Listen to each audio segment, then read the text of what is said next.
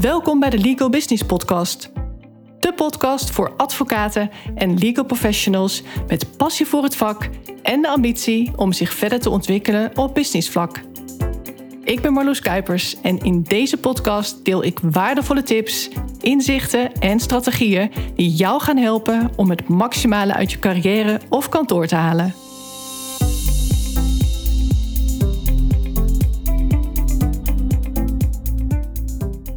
Vandaag ga ik het eens hebben over gedoe met medewerkers. Veel kantoren waar ik mee samenwerk hebben geregeld uitdagingen met medewerkers. Net als veel andere organisaties, uiteraard. Het betreft alle lagen binnen de organisatie: van secretaresses, stafleden, advocaat-stagiaires, advocaat-medewerkers, aspirantpartners, etc.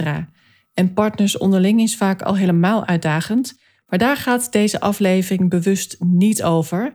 Dat is een heel ander topic, waar ik misschien nog wel eens een aparte aflevering over op ga nemen. Het is nu natuurlijk echt een werknemersmarkt. Dat weten we allemaal. Maar dat heeft ook tot gevolg dat medewerkers sneller van mening zijn dat ze beter verdienen, dat hen tekort gedaan wordt, dat ze drukker zijn dan nodig, dat het werk leuker mag. Ze willen meer salaris, een sabbatical, nog flexibeler kunnen werken, niet voor bepaalde cliënten werken zelfs, of ze willen extra benefits. Juist door de krapte op de arbeidsmarkt doen kantoren steeds meer hun best om medewerkers te behouden. Dat was jaren geleden echt wel anders. En ja, daar wordt nu ook wel eens misbruik van gemaakt door sommige medewerkers, of zelfs door net afgestudeerden. Een juridisch medewerker die bijvoorbeeld de garantie wil dat er een advocaat-stagiaire contract klaar ligt met ingang van datum X, nog voordat er ook maar enig zicht is op het functioneren van die persoon. Dat vind ik nogal voorbarig. Iemand overschat zichzelf mogelijk zelfs behoorlijk. Talent en het juiste karakter voor de functie heb je eerst nog te laten zien, lijkt me toch. Zeker als starter net uit de schoolbanken, of soms zijn ze nog niet eens afgestudeerd, maar hebben ze al wel heel wat noten op hun zang. Dit is dan de situatie dat je nog aan het begin staat van een samenwerking. Je kunt dan zelfs nog kiezen: ga ik hier wel of niet mee door? Ook als dat betekent dat iemand dan geen medewerker van kantoor wordt. Maar je hebt natuurlijk ook uitdagingen met medewerkers die al veel langer in dienst zijn. En dat is een veel lastigere situatie. Ik ga nu enkele voorbeelden noemen die recent de revue passeerden binnen bepaalde praktijkgroepen of kantoren waar ik mee samenwerk. Voorbeeld 1 klagende secretaresses die vinden dat ze echt veel te druk zijn, terwijl de betreffende partner het gevoel heeft: volgens mij doe ik nog veel te veel zelf. Dus ja, wat is dan de oplossing? Vaak blijven vrouwen ook nog eens heel lang boos. Die zeggen niet gewoon waar ze mee zitten en daarmee klaar, maar ze nemen daarna nog langdurig een boze houding aan. Dat lijkt mij persoonlijk onnodig en sowieso heel vermoeiend. Dus ik ben blij dat ik iets anders in elkaar zit, ook al ben ik ook een vrouw. Ik hou echt niet van bewolking in de lucht, ruis op de lijn, zoals ik dat noem. Ja, je snapt denk ik wel wat ik bedoel. Maar als een club vrouwen, zoals bijvoorbeeld een groep secretaresses, in opstand komt, dan weten veel mannen ook niet wat ze daarmee moeten doen. En soms geven ze toe aan het hele eisenpakket, waarna ze achteraf denken: ben ik niet een beetje gepiepeld? Steken ze elkaar niet aan qua klaaggedrag, waardoor het eigenlijk veel erger lijkt dan het is? Had ik daar wel zo ver in mee moeten gaan? De uitdaging in zo'n geval is dat je met emoties te maken hebt. De secretaresses voelen zich waarschijnlijk oprecht te druk. Of dat ook terecht is, dat is dus de vraag. En in de beleving van de partner doet hij nog veel te veel zelf en vraagt hij zich af: waar zijn ze dan zo druk mee? Ik zou het niet weten. En deze situatie komt trouwens geregeld voor. Misschien ook wel binnen jouw kantoor. Mijn oplossing zou zijn: laat de secretaresses hun werkzaamheden en de daaraan besteden tijd per taak strak bijhouden. Net als voor wie ze wat doen. Dan weet je ook meteen wie het meeste beslag op de secretaresses legt, want daar zit soms ook heel veel verschil in. En door het zo aan te vliegen, haal je de emotie eruit en maak je het eigenlijk heel feitelijk. Als partner kun je dan bijvoorbeeld zeggen: Als jullie het gevoel hebben veel te druk te zijn, Laten we dan eens kijken waar dat door wordt veroorzaakt. Dan kunnen we ook op zoek gaan naar een passende oplossing. En voilà, daar kan toch niemand op tegen zijn. Er zijn trouwens ook heel simpele tools voor het bijhouden van uren. Dus naast dat tijdschrijfsysteem, waar je als advocaat mee werkt, heb je ook tools als Toggle. Dat is software die je bovendien ook gratis kunt gebruiken. En dat spel je als T-O-G-G-L. En je laat die secretaresses dan een week of langer alle werkzaamheden bijhouden. En je krijgt vanzelf inzichtelijk waar de tijd aan wordt besteed. En dus wordt ook de oplossing helder. En in principe valt elke dag al te analyseren natuurlijk.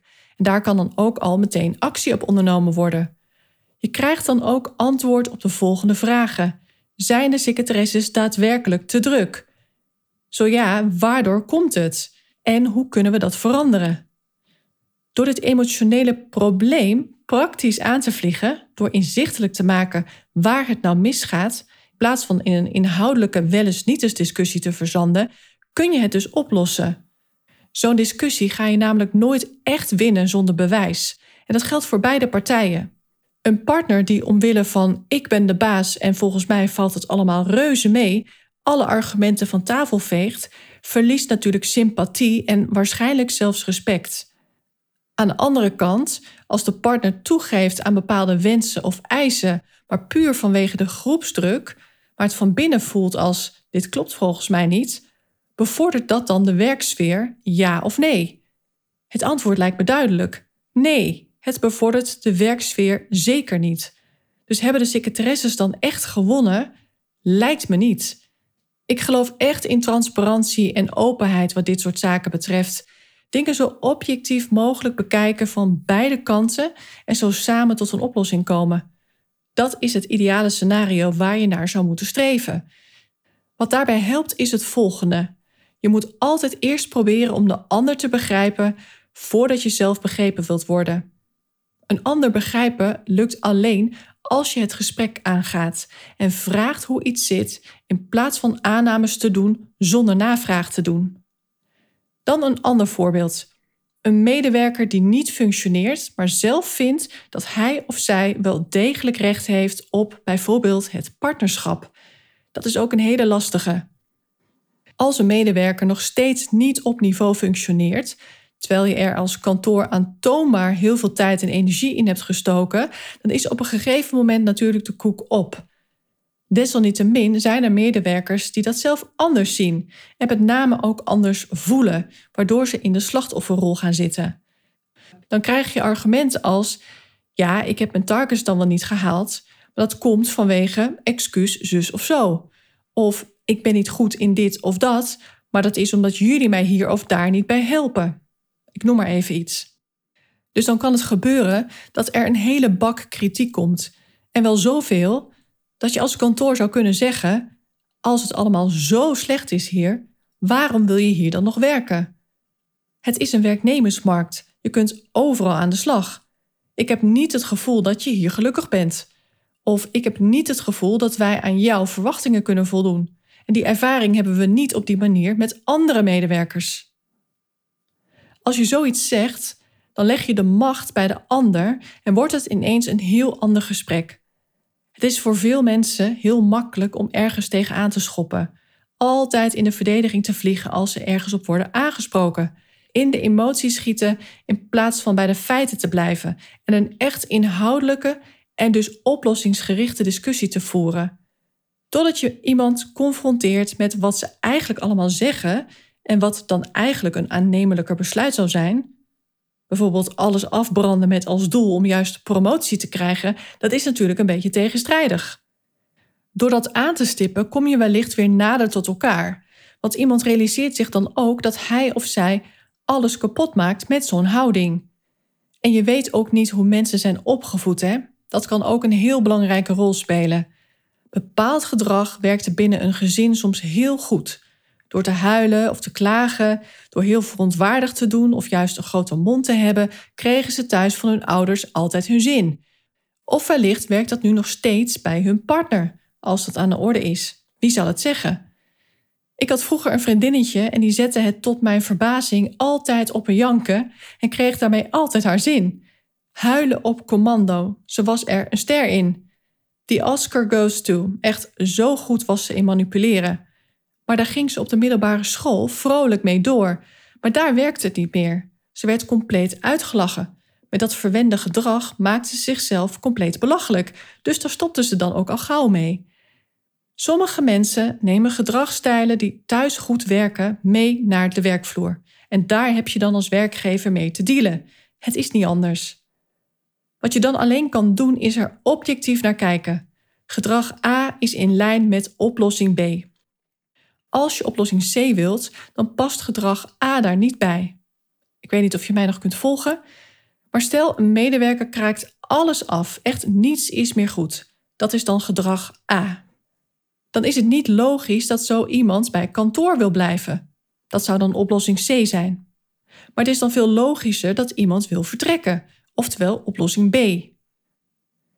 Is iemand ontevreden, maar wil hij of zij wel bij kantoor blijven, dan is het logisch dat iemand ook kritisch naar zichzelf kijkt.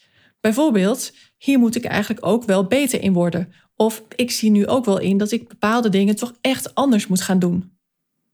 En als daar dan een taak voor kantoor ligt, dan moet diegene ook tevens concreet aan kunnen geven wat ze dan van kantoor nodig hebben om daar te komen. En de ene juridische functie is de andere niet. Het ene kantoor is het andere niet. Dus er zijn zoveel opties. En nee, niet iedereen kan op hetzelfde niveau presteren. Om een bepaald target te halen, moet de een nou eenmaal harder werken dan de ander. Als je snel leest, heb je een voorsprong. Heb je een fotografisch geheugen, dan heb je ook een enorme voorsprong. Zit je in een booming niche, evenzo. Je hebt het dan makkelijker dan sommige anderen. Hetzelfde geldt voor het hebben van goede people skills goed kunnen communiceren, echt weten hoe je cliënten aan je kunt binden, commerciële vaardigheden beheersen, sterk leiderschap tonen, een goede presence hebben. Dat zijn allemaal belangrijke bouwstenen van het bouwpakket van een echt succesvolle advocaat.